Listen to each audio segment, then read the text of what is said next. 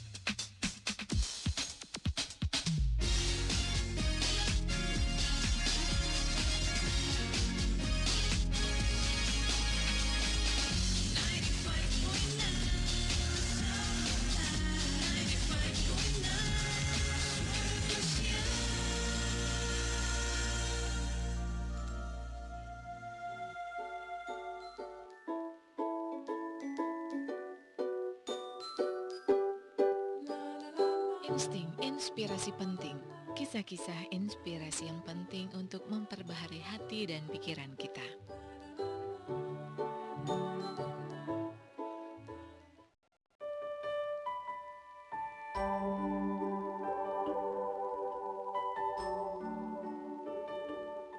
Seorang gadis bernama Tammy Harris dari Virginia. Ketika mencapai usia 21 tahun, dia mulai mencari siapa ibu biologisnya. Tahun demi tahun dia mencari, tapi belum juga ada hasilnya. Suatu ketika Temi berbicara kepada teman sekerjanya bahwa dia sedang mencari ibu biologisnya. Dan tanpa sengaja, ibu Temi yang ternyata bekerja di toko yang sama dengan Temi mendengarkan perbincangan Temi dengan temannya tadi. Akhirnya mereka berusaha mencocokkan akte kelahirannya. Ketika Temi sadar bahwa teman sekerja yang telah dia kenal bertahun-tahun adalah ibu yang sesungguhnya, dia langsung memeluk sang ibunya dengan tangisan haru. Berita pertemuan antara ibu dan anak yang sudah lama saling mencari ini masuk dalam berita koran di seluruh kota pada waktu itu.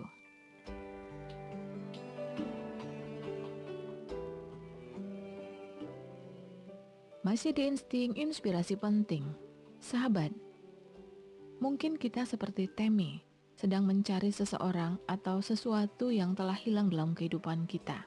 Kita terus berusaha mencari sesuatu yang bisa memberikan arti dan rasa, bahkan kebahagiaan dalam diri kita. Apa yang tidak kita sadari bahwa ada seseorang yang juga sedang mencari kita, dan dia sangat dekat dari apa yang dapat kita bayangkan.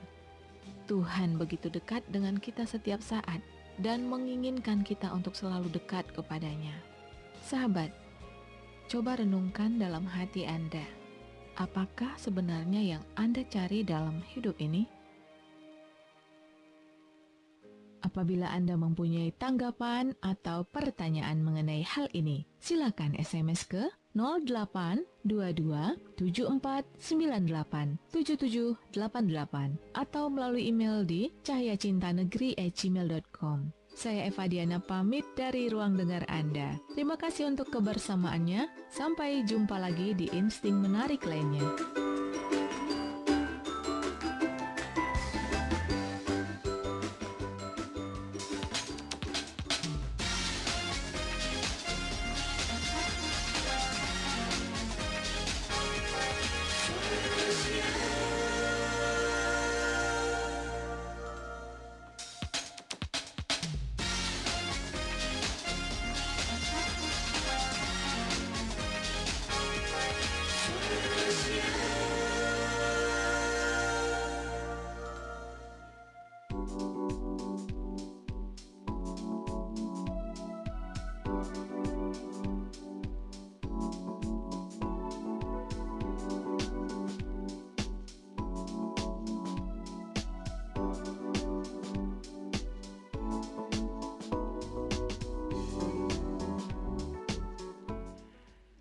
Gracia FM, The Sound of Life, hidup dalam Kristus memberikan kemerdekaan sejati. Shalom, selamat siang buat kaula muda Gracia di mana pun kalian berada siang hari ini.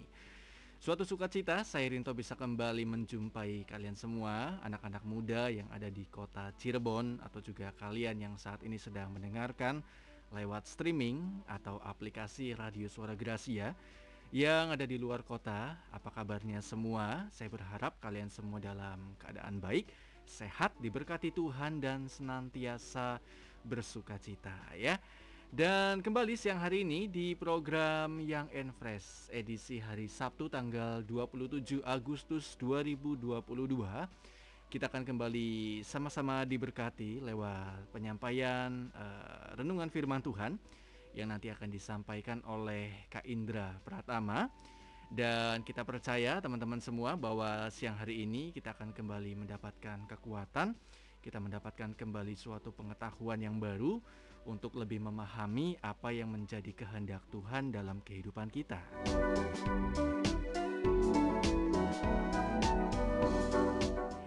Ya, saat ini kita sudah terhubung langsung lewat aplikasi Zoom dengan Kak Indra Pratama. Langsung saja kita sapa. Shalom Kak Indra. Halo, shalom. Shalom, apa kabar Kak Indra? Recording in Luar progress. biasa. Puji Tuhan. Gimana dengan kesibukannya Kak?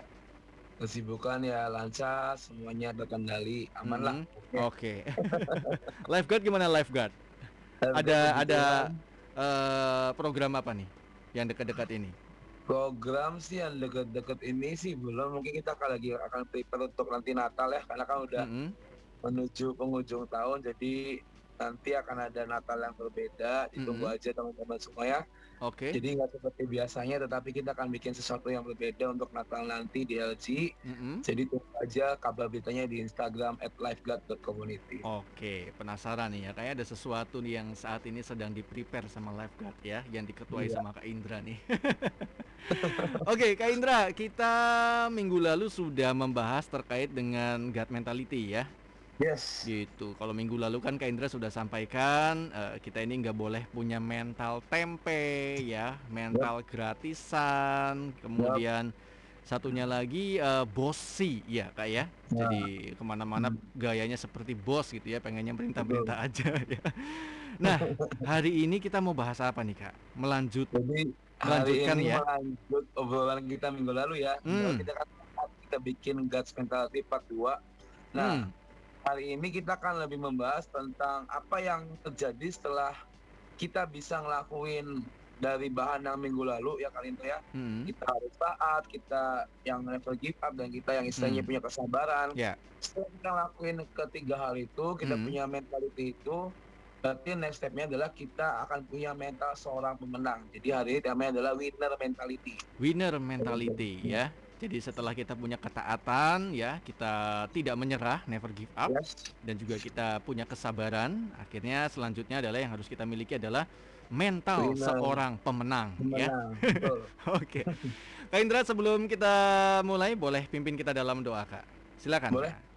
Yuk, mari semua teman-teman pendengar setia dari Radio Suara Gracia dan Yogan Fresh, mari kita siapkan hati kita untuk kita boleh menerima firman Tuhan pada pagi hari ini. Mari kita berdoa. Tuhan, mari kau yang siapkan setiap kami untuk kami boleh mendengar dan menerima setiap firman-Mu Tuhan. Kami percaya Tuhan kami akan melanjutkan pengajaran tentang God's mentality, Ya. mentalitas kerajaan Tuhan yang harus kami miliki buat kami Tuhan pagi ini boleh menerima, boleh mengerti dan kami percaya Bapak apa yang akan kami terima Tuhan sebentar lagi Tuhan inilah yang berasal daripada Tuhan dan inilah yang akan mengubahkan setiap hidup kami Tuhan. Terima Amin. kasih Bapak kau yang pimpin kami acara ini Tuhan program ini dari awal sampai akhir kau yang kuasai semua peralatan yang dipakai nggak ada kerusakan sistem nggak ada gangguan sistem nggak ada gangguan sinyal semuanya Amin. boleh tercover dengan baik Tuhan. Terima kasih Bapak kami serahkan semua dalam kuasamu Tuhan di mana pun kami berada pagi hari ini yang sedang mendengarkan Tuhan kami percaya Tuhan kami akan menerima setiap jatah dan firman yang daripadamu Tuhan. Yes, Terima kasih amin, Bapak. Tuhan. Yang di dalam meski berdoa dan mengucap syukur haleluya amin. Amin. Oke, silakan Kak Indra. Oke teman-teman ya hari ini kita lumayan padat sebenarnya tapi akan saya akan Hmm, uh, meringkas dengan singkat, padat dan jelas ya. Ya. Kita akan buka dari Roma pasal 8 ayat yang ke-30 juga. Roma 8 ayat yang ke-37 Min kalian itu bisa bacakan bagi kita semua. Oke, sebentar ya. Roma 8 ayat yang ke-30 ya, Kak ya? 37. 37. Oke, Yes. Roma 8 ayat 37 ya. Yap. Tetapi dalam semuanya itu kita lebih daripada orang-orang yang menang oleh Dia yang telah mengasihi kita. Amin. Amin, Ya, amin. Teman-teman, bagi jadi seperti yang kita bahas di awal, ketika kita minggu lalu udah belajar tentang mentality seorang prajurit, Hmm. seorang olahragawan, Hmm. seorang petani Ya. yang tertulis dalam 2 Timotius 2 ayat 4 sampai 7 dan ketika kita udah lulus fase itu, Hmm. berarti kita akan menjadi seorang the winner Yes. atau dalam arti ini kita punya mental yang kuat, kita punya mental yang tangguh sebagai seorang pemenang. Hmm. Karena firmannya sudah ada kan di Roma tadi bahwa kita ini sudah dimenangkan sebenarnya kita sudah ditebus dengan darahnya yang mahal ketika Yesus mati di atas kayu salib Hmm. itu tanda bahwa kita ini sudah dimerdekakan ketika Yesus rela mati buat kita itu tanda bahwa kita ditebus dan dimenangkan dengan kuasa darah anak domba so hari-hari ini seharusnya Hmm. mental yang kita punya adalah mental seorang pemenang Ya. karena kita sudah dimenangkan oleh darah anak domba. Hmm. Ya, dalam eh, Ulangan 28 ayat yang ke 13 berkata seperti ini. Tuhan akan mengangkat kita menjadi kepala dan bukan menjadi ekor. Ya. Kita akan tetap naik dan bukan menjadi turun. Firmannya udah ada bahwa Tuhan menghendaki kita menjadi kepala dan bukan ekor. Hmm. Tuhan mengingini setiap anak-anak muda di kota Cirebon, ya para pendengar setia Young and Fresh, kalian akan terus naik dan bukan turun. Dan untuk kita bisa menghidupi firman ini, untuk kita bisa menjadikan firman ini jadi nyata, butuh yang namanya winner mentality dalam hidup kita. Hmm. Seorang pemain badminton, kita kan hari-hari ini kan lagi heboh dengan badminton, dengan sepak bola, kemudian timnas usia 16 bisa juara, AFF, Hmm. butuh mental seorang pemenang. Ya. Kesebelasan atau seseorang yang bertanding, kalau dia nggak punya mental seorang pemenang, maka dia nggak akan pernah menjadi seorang pemenang. Hmm. Kalau dalam hidupnya adalah mentalnya mental yang ciut, mental tempe, ya kan, dia nggak akan pernah bisa menjadi kuat. Ketika Hmm. mentalmu kuat, ketika istilahnya jiwamu kuat, apa yang kalian latih, apa yang mungkin para olahragawan latih, itu akan membantu dia menjadi bertanding dengan penuh semangat. Dengan Hmm. otomatis ketika dia bertanding dengan penuh semangat, ada motivasi yang lebih kali itu. Ya. ya. Dari mental yang benar, dari mental seorang pemenang yang dia punya, dia punya motivasi yang kuat, dan bagaimana caranya dari mental pemenang punya motivasi diwujudkan menjadi sebuah kemenangan. Itulah yang ada di dalam diri para olahragawan hari-hari ini, mental seorang pemenang. Karena kalau mereka nggak punya mental seorang pemenang, mustahil mereka misalnya punya motivasi yang kuat. Nah, kita sebagai anak-anak muda, sebagai anak-anak Tuhan, kita perlu punya mental seperti ini, teman-teman. Ingat ya, kita hidup ini perlu diperjuangkan ya hari demi hari waktu demi waktu kita hidup dari pagi sampai malam kalian bangun tidur aja itu adalah pertandingan kalian dalam hidup kalian Hmm. artinya apa pertandingan apa pertandingan di mana kalian hari ini besok lusa minggu depan bertanding dengan si jahat supaya apa supaya hidup kalian tetap benar dan kudus di hadapan Tuhan Hmm. Berarti kalian sedang bertanding dengan semua godaan iblis, kalian sedang bertanding dengan semua siasat iblis, gimana caranya iblis pengen kita jatuh. Kita ini bertanding teman-teman, setiap hari, every day, kita bertanding. Dan siapa yang punya mental seorang pemenang, siapa yang memiliki mental yang kuat, maka dia bisa melawan, dia bisa fight melawan si jahat. Tetapi kalau kita nggak punya mental yang kuat, kita nggak punya mental seorang pemenang, mental kita ciut, nyali kita ciut, maka percayalah apa pun yang iblis serang dalam hidup kita, maka kita akan jatuh. Tetapi Tuhan berkata, kamu akan jadi kepala anak dan bukan ekor, kamu akan terus naik dan bukan turun. Berarti Hmm. apa? Tuhan menghendaki kita mengalahkan semua apa yang iblis lancarkan dalam hidup kita supaya kita bisa menang atas dosa. Ingat Tuhan menebus kita ya. Tuhan eh, membayar kita. Bukan cuma tentang dosa kali itu ya. Hari-hari ini banyak sekali uh, siasat-siasat si jahat yang menyerang anak-anak muda. Salah satunya tentang mentality. Ada yang namanya uh, victim mentality, ya, yaitu okay. uh, mental korban. Jadi istilahnya akan dengan sangat gampang ketika kalian melihat bahwa kalian hidup istilahnya tidak seperti teman-teman kalian atau hmm. kalian melihat oh teman saya lebih kaya, teman saya lebih beruntung, kok saya seperti ini, hmm. kok saya hidup seperti ini, kok saya lahir dari keluarga yang tidak kaya raya, atau mungkin kok saya lahir dari orang tua yang seperti ini. Jadi ada rasa ketidakpuasan, ada rasa tidak bersyukur dalam hidup anak-anak muda. Itulah hmm. yang sedang iblis hembuskan hari-hari ini. Gimana caranya membuat anak-anak muda punya mentality victim atau victim mentality, yaitu hmm. mentalitas baik dia adalah korban dari keadaan yang mereka hadapi hari-hari ini.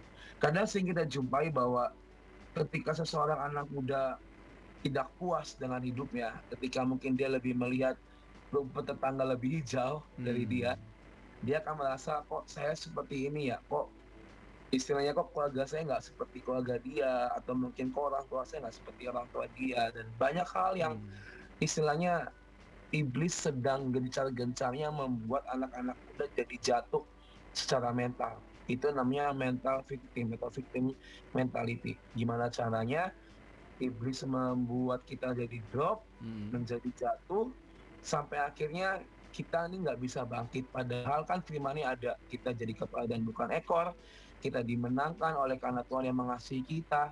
Hmm. Firmannya sudah ada dan Tuhan pengen hari ini teman-teman semua kita semua, saya, Karinto, semua teman-teman yang lagi dengar program ini, kita harus punya yang namanya winner mentality, not victim mentality. Hmm. Karena sudah ditebus dengan darah Yesus, kita sudah dimenangkan, ya semua hal yang mungkin iblis tawarkan kita mungkin bisa menolak karena ada Tuhan dalam hidup kita. So, teman-teman hari-hari ini mari camkan akan hal ini winner mentality not victim mentality karena gue percaya ketika kalian hidup bersama dengan firman Tuhan, kalian bisa mengerti apa yang Tuhan mau dalam hidup kalian. Saya percaya apa pun yang mungkin si jahat sedang lancarkan dalam hidup kita itu nggak akan hmm. kita itu. Oke oke. Ini sering kali kita mungkin pernah lihat kalau misalkan dalam pertandingan uh, olahraga ya kayak ya, atau pertandingan apa pun. Ya sering kali lawan main itu uh, memberikan suatu statement sebelum bertanding ya kayak ya sebelum bertanding dia hmm. mengeluarkan suatu perkataan atau suatu tindakan yang berusaha untuk menjatuhkan mentalnya mental, mental dari musuhnya Betul. atau lawannya jadi Betul. si lawannya ini sebelum bertanding dia sudah merasa ciut dulu gitu waduh ya. kayaknya gua kalah nih kayaknya dia jam terbangnya udah ya nah kak kalau dalam Alkitab sendiri kak kira-kira siapa nih uh, tokoh yang bisa memberikan suatu contoh atau keteladanan yang memiliki suatu uh, apa ya mental seorang pemenang nih kak? Ya itu namanya pesawer ya kalau dalam dunia sekarang itu namanya hmm. Istilahnya bumbu-bumbu lah sebelum bertandingkan gimana caranya hmm. um, kita menjatuhkan mental lawan. Itu kadang hmm. dalam dunia tinju tuh sering ya hmm. kan habis press conference foto berdua ya. apa. Hmm. Nah itu itu hal-hal seperti yang menjatuhkan. Tetapi gini teman-teman ketika kita menghadapi sebuah pertandingan dalam kehidupan kita hmm. dan mungkin kita pun merasa bahwa itu mungkin berat buat kita jangan pernah kita menjadi mundur jangan pernah kita menjadi kendor karena hmm. contohnya tadi yang kalian bilang ada nggak kak di Alkitab ada sekali okay. yaitu siapa hmm. ketika Daud melawan Goliat ya kalau kalian udah baca kisah Daud dan Goliat kalian sama-sama tahu kalau Daud itu punya postur tubuh yang kecil hmm. kurus krempeng ya kan dibandingkan dengan Goliat raksasa yang tinggi besar, kuat, ada ototnya, ya kan? Daud itu bukan apa-apa. Daud itu nggak fitness, Daud itu nggak punya otot yang besar, tapi yang dia punya yaitu apa? Dia cuma punya Tuhan dalam hidup dia, ya kan? Hmm. Hari itu ya kita sama-sama tahu bahwa nggak ada satupun dari tentara Israel yang berani melawan orang Filistin itu, ya. Tetapi seketika itu juga muncullah Daud dengan keberanian, dengan keyakinannya, dia mengajukan dirinya untuk melawan si Goliat. Hmm. Dan hari itu muncul banyak sekali statement yang menjatuhkan dia. Apakah dia mampu? Apakah dia bisa? Kok dia berani-berani ya lawan raksasa. Kok dia berani-berani ya istilahnya mengajukan diri. Siapa sih Daud? Siapa sih dia? Ya. Banyak sekali gejolak yang timbul di antara para tentara Israel waktu itu karena dia mereka merasa kita aja nih yang tentara ini nggak bisa ngalahin Goliat. Hmm. Kamu yang istilahnya cuma uh, istilahnya mengembala domba, kamu cuma istilahnya yang bukan siapa-siapa, bukan tentara. Kamu ini berani mengajukan diri. Kamu mau mati. Kamu mau istilahnya mau menyanyiakan hidup kamu. Nah, mungkin hari itu ya banyak omongan-omongan yang Daud dengar hari Hmm. itu yang tadi saya bilang banyak omongan-omongan yang akan menjatuhkan mental Daud hari itu. Hmm. Tetapi dari Daud pagi ini kita akan belajar bahwa Daud punya yang namanya winner mentality dalam hidup dia dan sehingga dia tetap berani, dia tetap mengajukan dirinya dan akhirnya kita sama-sama tahu ceritanya Hmm. at the end Daud bisa mengalahkan Goliat dengan cara yang istilahnya tidak masuk akal menurut Hmm. saya cuma dilempar dengan ketapel sebuah batu itu bisa menjatuhkan Goliat. Iya, Goliat betul. yang istilahnya tubuh besar, gagah perkasa, cuma dilempar dengan satu buah senjata yang kecil, tetapi Hmm. akhirnya dia jatuh. Kalau itu bukan karena Tuhan, kalau itu bukan karena winner mentality dalam hidup Daud yang Tuhan kasih, maka itu semua akan terjadi. Dan hari ini kali itu Hmm. kita akan bahas ada empat poin Ya. ya dari winner mentality yang akan kita pelajari supaya kalian semua teman-teman semua bisa mengerti Hmm. bahwa Daud pun pernah mengalami yang namanya winner mentality ini ya. Hmm. Yang pertama, teman-teman kita akan buka dari 1 Samuel 17. 1 Samuel 17 ayat yang ke-33 kali itu. Iya. 1 Samuel 17 ayat 33 mungkin kalian bisa bacakan buat kita semua. Oke, 1 Samuel 17 ayat 33, tetapi Saul berkata kepada Daud, "Tidak mungkin engkau dapat menghadapi orang Filistin itu untuk melawan dia, sebab engkau masih muda, sedang dia sejak dari masa mudanya telah menjadi prajurit." Nah, ya kan? Hmm. Dalam ayat 33 dikatakan tetapi Saul berkata bahwa tidak mungkin kau dapat menghadapi orang Filistin itu untuk Ya. melawan dia. Dari Saul pun berkata, kamu tuh nggak mungkin Daud untuk bisa ngalahin dia. Kamu tuh nggak mungkin bisa ngalahin dia. Tapi Hmm. hari itu Daud, poin yang pertama teman-teman ya, Daud berani membayar harganya teman-teman.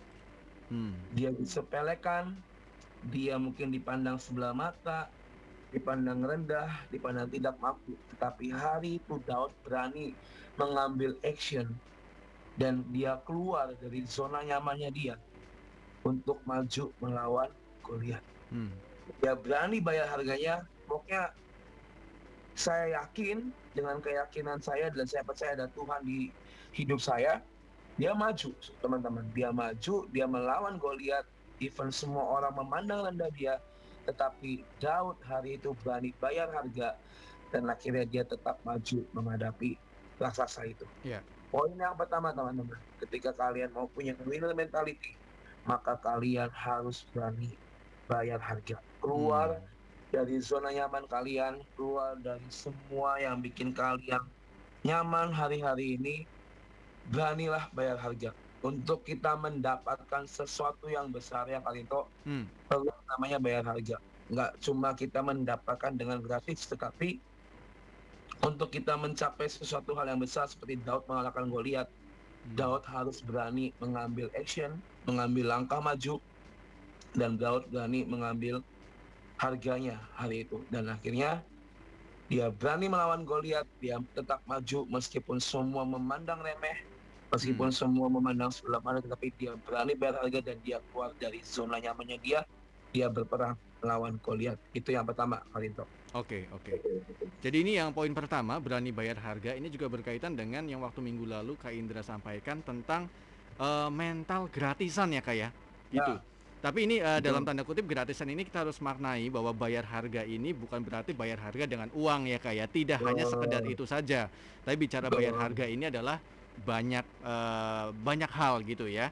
Termasuk salah satunya adalah seperti yang tadi eh, Daud sudah lakukan. Kemudian poin yang Betul. kedua nih Kak, apa nih Kak?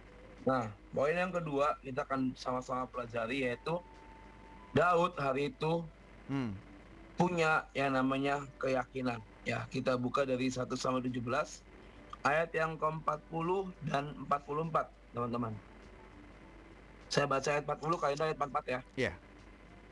Lalu Daud mengambil tongkatnya di tangannya, dipilihnya dari dasar sungai lima batu yang licin dan ditaruhnya dalam kantung gembala yang dibawanya, yakni tempat batu-batu sedang umbannya dipegangnya di tangannya. Demikianlah ia mendekati orang Filistin itu. Hmm. Ayat 44 kalian dok. Ayat 44. Pula orang Filistin itu berkata kepada Daud, Hadapilah aku, maka aku akan memberikan dagingmu kepada burung-burung di udara dan kepada binatang-binatang di padang. Nah, saya baca 4, uh, ini yang 44 ya. Ulang sekali lagi. Ya. Pula orang Filistin itu berkata kepada Daud, hadapilah aku, ini Goliat, maka Goliat akan memberikan dagingmu kepada burung-burung di udara dan kepada binatang-binatang di Padang. padang. Hmm. Kalau Daud hari itu nggak punya keyakinan yang penuh, teman-teman, dia nggak akan tetap berani untuk maju melawan Goliat.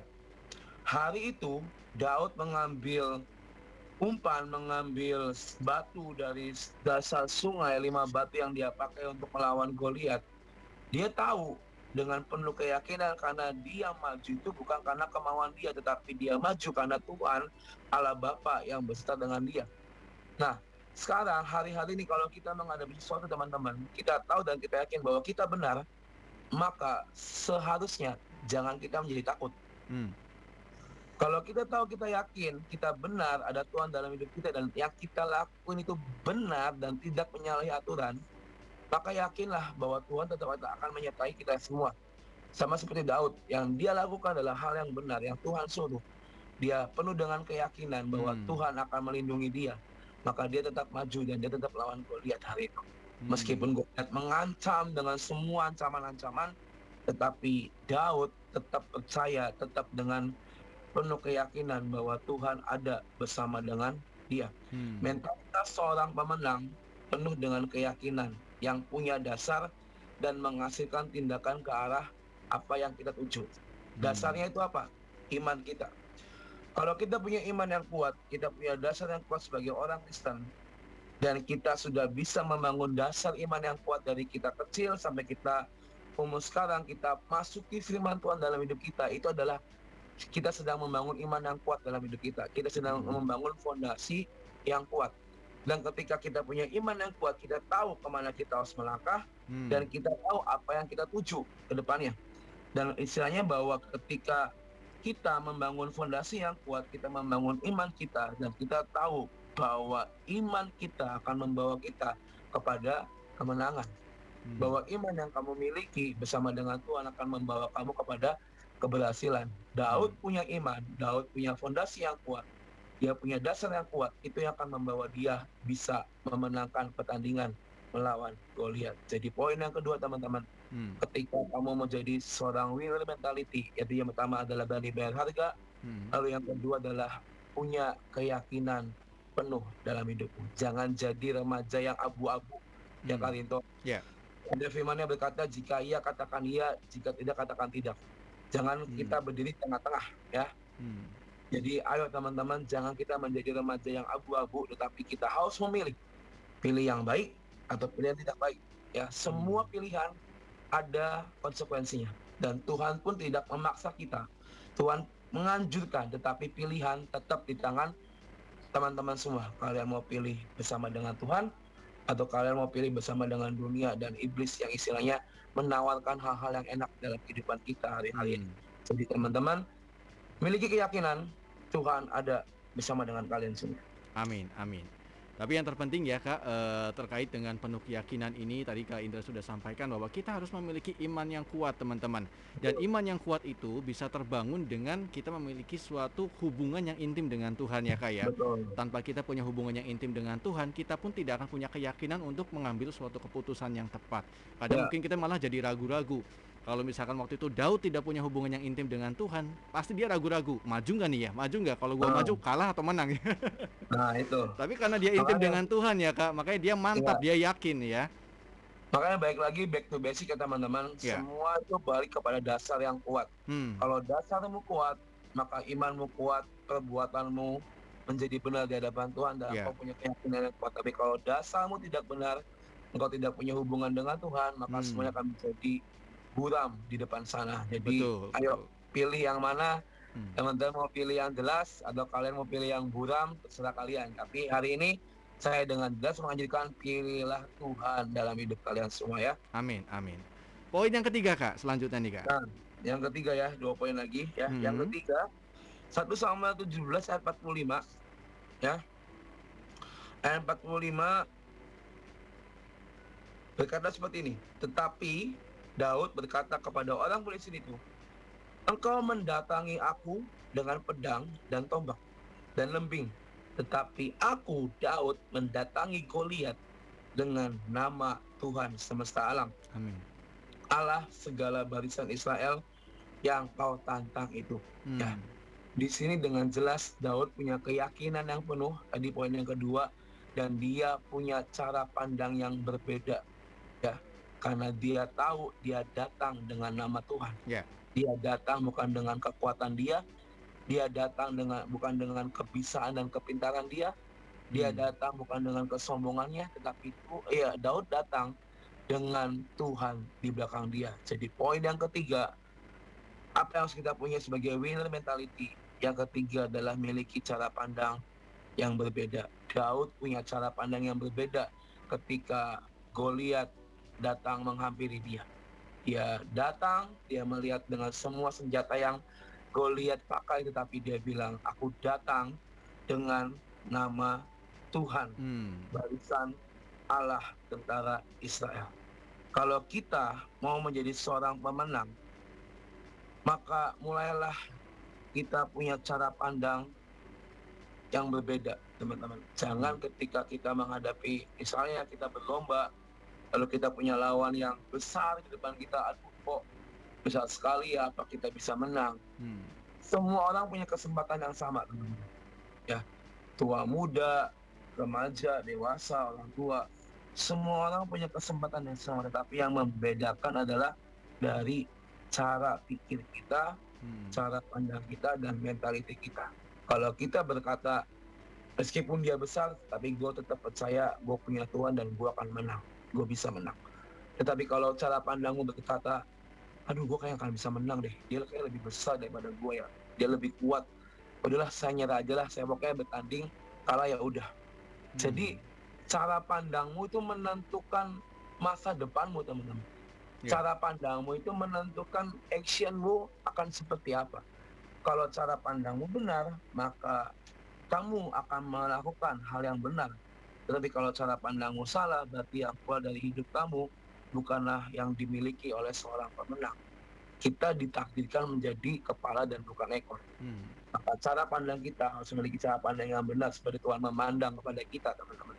Jadi hal yang ketiga, poin yang ketiga, miliki cara pandang yang berbeda ya, Hmm. bukan cara pandang yang menciut, tetapi cara pandang yang positif, Hmm. cara pandang yang bisa membawa kita kepada kemenangan dan cara pandang yang selalu melihat bahwa kesempatan menjadi seorang pemenang masih ada. Even di depan hidup kita banyak badai, banyak tembok, percaya masih ada jalan keluar Amin. bagi hidup kita. Amin. Itu yang ketiga Karinto. Amin. Amin. Oke, selanjutnya kak, yang keempatnya yang terakhir ya berarti ya. Ya, yang terakhir ya. Hmm. Kita buka dari ayat yang ke-49 Karinto. Iya. Kalian bisa bacakan buat kita? Oke, ayat 49 ya. Lalu Daud memasukkan tangannya dalam kantungnya, diambilnyalah sebuah batu dari dalamnya, diumbannya, maka kenalah dahi orang Filistin itu. Sehingga batu itu terbenam di ke dalam dahinya dan terjerumuslah ia dengan mukanya ke tanah. Poin yang keempat, Daud tahu sasarannya itu siapa. Hmm. Sebagai winner mentality kalian harus memiliki sasaran yang harus kalian tuju di depan kalian dalam arti kalian punya goals kalian punya tujuan dalam kehidupan kalian tadi saya katakan jangan jadi remaja yang abu-abu yang nggak tahu harus ke mana yang nggak tahu harus ngapain Hmm. tetapi kalau kalian mau jadi remaja yang kuat kalian mau punya winner mentality maka kalian harus tahu sasaran kalian itu apa Hmm. Daud tahu sasarannya adalah Goliat. Dia tidak mempedulikan semua ratusan bahkan ribuan orang di sekelilingnya yang melihat mereka. Tetapi dia fokus pada tujuan dia fokus pada sasaran yaitu siapa? Yaitu Goliat. Hmm. Lalu ayat 9 dikatakannya bahwa semuanya ketika Daud melemparkan umbannya maka terjerumuslah Goliat dengan mukanya ke tanah. Berarti apa? Seorang pemenang mengetahui dengan jelas apa yang hendak diraihnya. Ya. Seorang mentalitas pemenang tahu apa yang akan dia capai ke depan nanti. Hmm. Daud dengan tiga poin yang tadi berani bayar harga, punya keyakinan, punya cara pandang yang beda. Akhirnya dia tahu bahwa dia punya sasaran yang harus dia kalahkan hari itu. Yaitu siapa? Goliat. Dan endingnya kita tahu bahwa Daud menang melawan Goliat. Jadi teman-teman poin yang keempat, kalian harus tahu sasaran kalian itu siapa, Hmm. miliki sasaran dalam hidup kalian, miliki tujuan dalam hidup kalian, miliki goals dalam hidup kalian supaya kalian tahu kalian harus berbuat apa. Hmm. Ya, tadi malam saya ngobrol dengan beberapa anak di ditanya kamu tujuannya apa satu tahun dua tahun ke depan? Ya kamu ada rencana apa? Ada yang bisa menjawab, ada yang bilang belum tahu kak, saya belum bisa mikir panjang ke depan. Nah, it's okay teman-teman. Tapi tetap kalian harus punya goals yang big atau goals yang inti dalam hidup kalian supaya kalian tahu hidup kalian kalian membawa ke mana dan itulah yang namanya kalian memiliki sasaran yang tepat jadi teman-teman empat poin hari ini dari Iya. bayar harga Hmm. penuh dengan keyakinan punya cara pandang yang berbeda lalu memiliki sasaran yang tepat inilah ciri-ciri winner mentality dalam Hmm. kehidupan kita ya kalian miliki keempat hal ini kakak percaya saya percaya ada mentalitas seorang pemenang dalam hidup kalian. Biar empat poin ini menjadi paket yang komplit yang saling melengkapi yang saling istilahnya memperlengkapi kita semua untuk kita bisa menjadi seorang winner mentality. Hmm. dan mentality dalam hidup kita. Karena saya percaya hari-hari ke depan mental ini perlu teman-teman. Kalau mental kita sakit kita nggak akan bisa maksimal hidupnya tapi kalau Hmm. mental kalian sehat kalian menjaga mentality kalian dan kalian membiarkan ada gas mentality dalam hidup kalian. Saya percaya pelayanan kalian pelajaran kalian pekerjaan kalian itu akan di cover dengan sangat baik oleh Tuhan Yesus. Jadi teman-teman hari ini Pak Tua gas mentality sudah kita bahas bersama-sama. Jadi minggu lalu ya jangan lupa dibaca kembali dibahas kembali. Dan minggu ini kita belajar tentang winner mentality ini menjadi sebuah firman yang saling melengkapi ya dari minggu lalu sampai pada minggu ini Hmm. ini menjadi senjata yang baru ya kali ini buat kita semua Ya. dan jadi setiap pelajaran yang baru supaya kita bisa tahu menjalani hari demi hari satu Tuhan seperti apa ya intinya kalian hidup tetap bersama dengan Tuhan Hmm. jangan dilakukan sendiri Oke. Kita berdoa ya Kak Indra ya supaya teman-teman semua yang saat ini sudah mendengarkan apa yang tadi sudah Kak Indra sampaikan terkait dengan winner mentality ini benar-benar teman-teman semua juga bisa mempraktekkan dalam kehidupannya ya. Agar kita semua generasi muda ini benar-benar menjadi orang-orang yang bisa memiliki God's mentality itu ya. Gitu. Oke Kak Indra di WhatsApp Suara Gerasi FM sudah ada yang bergabung. Seperti biasa ada dua pendengar setia yang and ada Ibu Yaya yang pertama mengatakan bahwa thank you Kak Indra dan Kak Rinto untuk firman Tuhannya dan terus menjadi berkat bagi banyak orang. God bless you all. Kemudian selanjutnya ini sepertinya oh ya Kevas ya. Kevas yang juga pendengar setia yang and fresh. Shalom, selamat pagi Kak. Saya memiliki tim yang sering memperkatakan kepesimisannya. Oh ini eh, Kevas bertanya nih Kak. Mungkin Kak Indra bisa eh, menjawab ya secara singkat. Eh, jadi Kevas ini memiliki tim yang sering memperkatakan kepesimisannya. Tapi eh, Kevas ini selalu perkatakan bahwa eh, kita lebih dari pemenang. Nah, apakah emang ada proses untuk membentuk mental seperti ini? Ya, meminta tipsnya untuk menebarkan mental ini kepada sekeliling kita. Bagaimana tipsnya kak? Terima kasih kak, sangat memberkati dan relate banget Tuhan Yesus memberkati.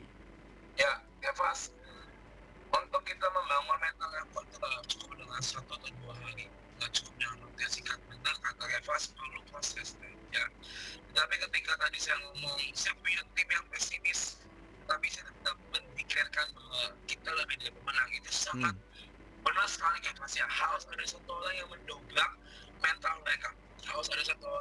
istilahnya menjadi kompor buat mereka ya.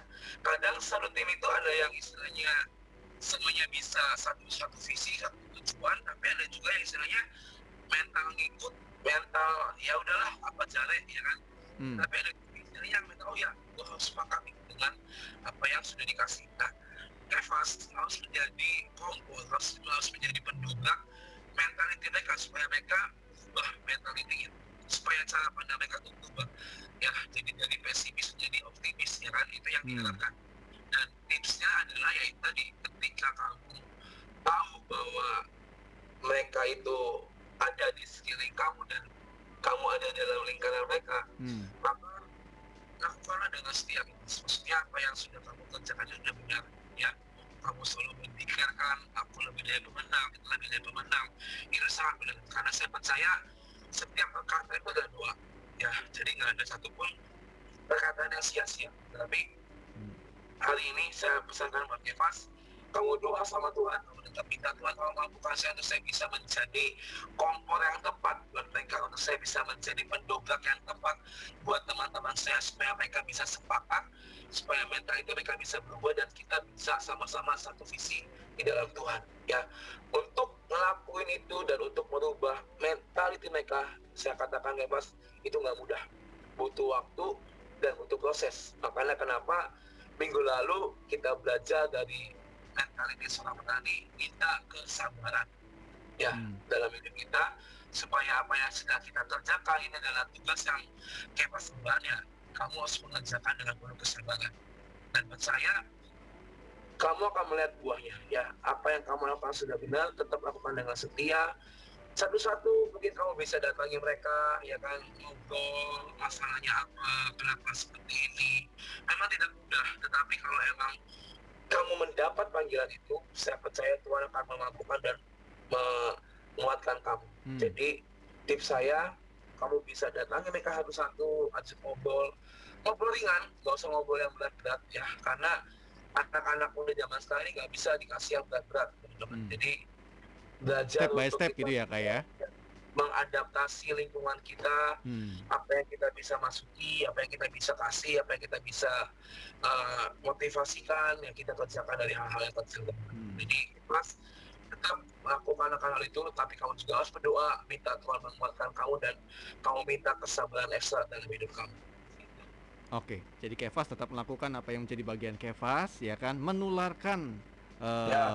mental seorang pemenang ya kepada teman-teman yang mungkin selama ini pesimis dan kamu tetap berdoa ya Kevas ya supaya Tuhan eh, campur tangan dan menolong kamu juga. Oke Kak Indra, waktu juga yang harus memisahkan kita siang hari ini. Terima kasih banyak Ya. Kak Indra sudah melengkapi ya apa yang sudah disampaikan minggu lalu, Sabtu lalu terkait dengan God's mentality ini. Kita berharap dan kita berdoa semua teman-teman siang hari ini boleh eh, dipuaskan dengan apa yang tadi sudah Kak Indra eh, sampaikan dan kita semua boleh mendapatkan kembali kekuatan lewat renungan firman Tuhan. Kak Indra, eh, menutup kebersamaan kita siang hari ini boleh eh, pimpin kita dalam doa. boleh yuk teman-teman Kak semua mari kita dalam doa Tuhan terima kasih Bapak untuk pagi ini. Kami sudah belajar banyak tentang God's mentality part 1 dan part 2 hari ini Tuhan. Kami tahu dan kami percaya Tuhan hari-hari ini dibutuhkan mental yang kuat dalam hidup setiap kali untuk menjalani kehidupan kami baik dalam rohani maupun jasmani kami Tuhan. Kami tahu untuk kami bisa bertanding Tuhan dengan iman kami tidaklah mudah. Tapi kami percaya Bapak ketika ada God's mentality yang tertanam dalam hidup kami kami percaya Tuhan apa yang kami dari hidup kami pun juga. Itulah yang berasal daripada Tuhan. Bagi Bapak pagi hari ini Tuhan mari tanamkan God's mentality dalam kehidupan kami. Ini dalam mentality dalam kehidupan kami dan kami percaya. Bapak kami akan melihat semua anak-anak muda di kota Cirebon Tuhan dimenangkan dan mereka punya mentality seorang pemenang dalam kehidupan mereka semua. Mereka bisa menang atas dosa mereka bisa menangkan semua ikatan-ikatan dan percaya Bapak. Ketika ada Tuhan bersama dengan kami yang mustahil menjadi mungkin bagi setiap kami terima kasih Bapak. Kami berdoa buat Ibu Yaya dan juga Kemas Tuhan biar Tuhan apa yang sedang mereka hadapi hari-hari ini Bapak apa yang membantu mereka apa yang sedang mereka Amin. jalani apa yang menyertai mereka dan kami percaya Bapak bersama pendengar setia di Sia dalam pergumulan apa pun Tuhan mari kau yang campur tangan kau yang jaga mereka sehingga ada jalan yang kau berikan dalam kehidupan mereka semua. Tuhan juga berdoa buat uh, rekan-rekan kami di Radio Sulawesi buat Bang dan semua uh, rekan-rekan yang ada. Tuhan kami percaya Bapak kau yang telah memilih Tuhan yang selalu memakai hidup mereka menjadi berkat setiap orang yang mendengarkan radio Sulawesi di mana pun Tuhan uh, siapa pun yang mendengar suara ini Tuhan kami percaya Tuhan ada keselamatan yang kau jadikan dalam kehidupan setiap para pendengar radio suara Gracia Tuhan. Terima kasih Bapak, kau yang cukupkan, kau yang berkati dengan melimpah, apa pun yang dibutuhkan oleh radio suara Gracia, kami percaya kau Tuhan yang menyediakan Amin, tepat amin. pada waktunya. Terima kasih Bapak, kami mempersilakan pagi dan Tuhan kuasamu, Engkau Tuhan yang menyertai kami dari pagi sampai malam hari nanti. Terima kasih Bapak, dari dalam meski berdoa dan kami mengucap syukur yang mulia. Amin. Amin. Kak Indra boleh kembali informasikan terkait dengan eh, ibadah lifeguard Kak. Silakan Kak. Oke teman-teman ya, uh, Ilaf God Youth Community Hmm. setiap hari Jumat jam 6 saya di Gedung Gasi Lantai 2. Hmm. Saya mengundang buat teman-teman semua boleh bergabung ya bersama kami. Dari semua kalangan boleh bergabung ya, kita sama-sama saling memperlengkapi. Dan minggu depan ya, Hmm. awal September bertemu dengan saya ya, karena saya akan mengisi firman di Lifeguard Community jam 6 sore di Gedung Gasi Lantai 2. Jadi teman-teman kalian juga bisa lihat terus uh, Hmm. Instagram kita karena lifeguard ini bukan cuma melulu untuk kita datang ibadah tapi ada hal-hal yang lain ya. Ada mungkin nanti ada games nanti kita juga ada nobar. Hmm. jadi kalian bisa ikutin terus pantau terus IG kami at lifeguard.community dan juga buat teman-teman kalau nggak aduh saya nggak ada teman kok saya nggak ada nggak ada yang nemenin. Jangan takut ya. Hmm. kita akan selalu welcome sama kalian. Dan buat kalian semua yang istilahnya eh, ketika pulang ibadah level kalian nggak ada kendaraan kita menyediakan pengantaran pulang buat kalian Hmm. semua jadi setelah ibadah kelar kalian nggak ada yang jemput atau kalian nggak ada nggak ada kendaraan tenang aja kita dari Hmm. Lifeguard menyediakan pengantaran pulang yang namanya Go LG Karinto ya Oke. jadi bisa kalian jangan takut aduh nanti Hmm. pulangnya kemalaman atau nanti nggak ada nganterin kita antarkan sampai ke rumah kalian Hmm. ya dengan selamat gitu Oke, paket lengkap ya Kak ya. Datangnya ya. disambut dengan baik, dapat, Pulangnya ya kan? diantar dengan baik ya. Betul. ada es teh manis itu. Ya, jadi aja. cukup bawa badan bawa diri siapkan wadah terima firman Tuhan Hmm. percayalah kalian pulang menjadi pribadi yang berbeda Amin, amin, amin. Oke, terima kasih banyak Kak Indra buat siang hari ini. Kita ketemu lagi di bulan depan ya Kak ya, dengan materi Oke, yang pastinya tidak kalah seru dengan eh, siang hari ini ya. Tuhan memberkati Kak Indra. thank you Sukses selalu. Ya, Shalom. you. Shalom. Ya, Kabula Bergracia, eh, demikianlah program yang Enfresh yang hari ini. Saya berharap kalian semua boleh mendapatkan berkat dari renungan firman Tuhan yang tadi sudah disampaikan oleh Kak Indra Pratama. Terima kasih buat kalian yang selalu setia dengan program ini. Terima kasih juga buat Ibu Yayah dan Kevas yang tadi sudah bergabung ya. Tuhan memberkati selalu dan akhirnya Program Gracia, saya Rinto yang bertugas pamit undur diri. Saya ucapkan selamat melanjutkan setiap aktivitas Anda dan Tuhan memberkati.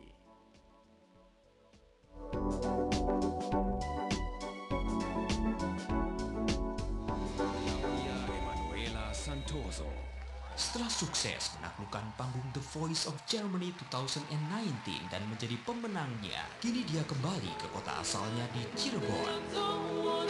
Mari saksikan sebuah konser persembahan Claudia Emanuela Santoso, pemenang The Voice of Germany dalam Homecoming A Showcase by Yours Truly. A Showcase.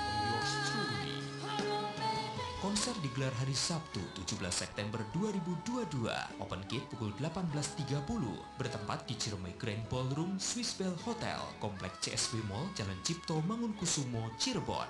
Opening performance by Memes Prameswari. Harga tiket Rp150.000 Free goodies and autograph. Segera dapatkan tiketnya di Radio Suara Gracia FM Jalan Setiabudi nomor 31 Cirebon Tiket sangat terbatas. Informasi hubungi 0817 222 959 atau 0231 230 816. Claudia Emanuela Santoso Homecoming Concert didukung oleh 95,9 Radio Suara Gracia FM.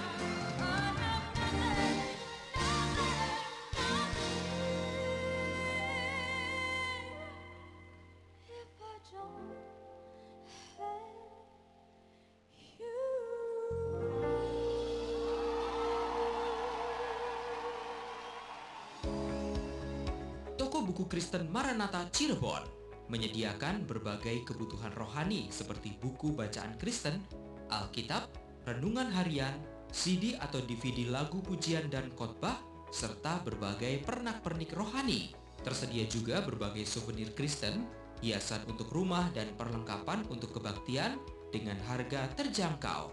Toko buku Kristen Maranatha di Jalan Pengampon nomor 9 Cirebon atau samping Gereja Katolik Santo Yosef. Buka hari Senin sampai Sabtu pukul 8 sampai 16.30. Untuk sementara hari Minggu tutup.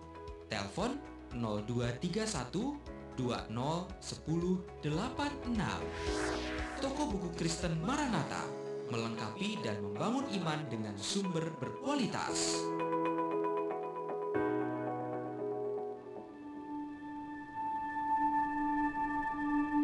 Kesehatan adalah kekayaan terbesar manusia. Tanpa tubuh yang sehat, semua yang Anda miliki akan sia-sia. Karena itu, jangan habiskan kekayaan hanya untuk kesenangan semata, tapi manfaatkan juga untuk kesehatan tubuh Anda.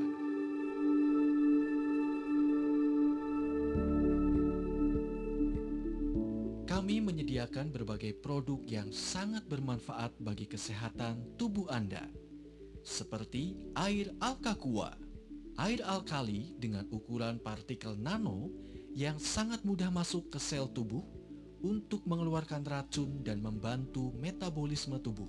Dapat membantu menurunkan gula darah, tekanan darah tinggi, asam urat, ataupun berbagai penyakit lainnya. Kami juga menyediakan air oksi, air aktif yang tinggi kadar oksigen dan dapat digunakan untuk terapi penyembuhan berbagai penyakit seperti darah tinggi, migrain, batu ginjal, asam urat, kencing manis, dan berbagai penyakit lainnya. Tersedia juga sari lemon murni Aquila Fresh yang tinggi vitamin C untuk menjaga kekebalan tubuh, membantu diet, menurunkan berat badan, dan banyak lagi manfaat lainnya. Untuk menjaga kebugaran, kami juga menyediakan minyak balur kutus-kutus yang sudah terkenal memiliki khasiat bagi tubuh Anda dengan cara penggunaan yang sangat mudah. Semua produk yang kami jual sudah terdaftar di Badan POM, sehingga aman digunakan dan terjamin kualitasnya. Dapatkan produknya di Radio Suara Gracia FM, Jalan Setiabudi 31 Cirebon Pembelian bisa diantar sampai ke rumah untuk wilayah kota Cirebon. Informasi dan pemesanan produk hubungi WhatsApp 0817 222 959 atau telepon di 230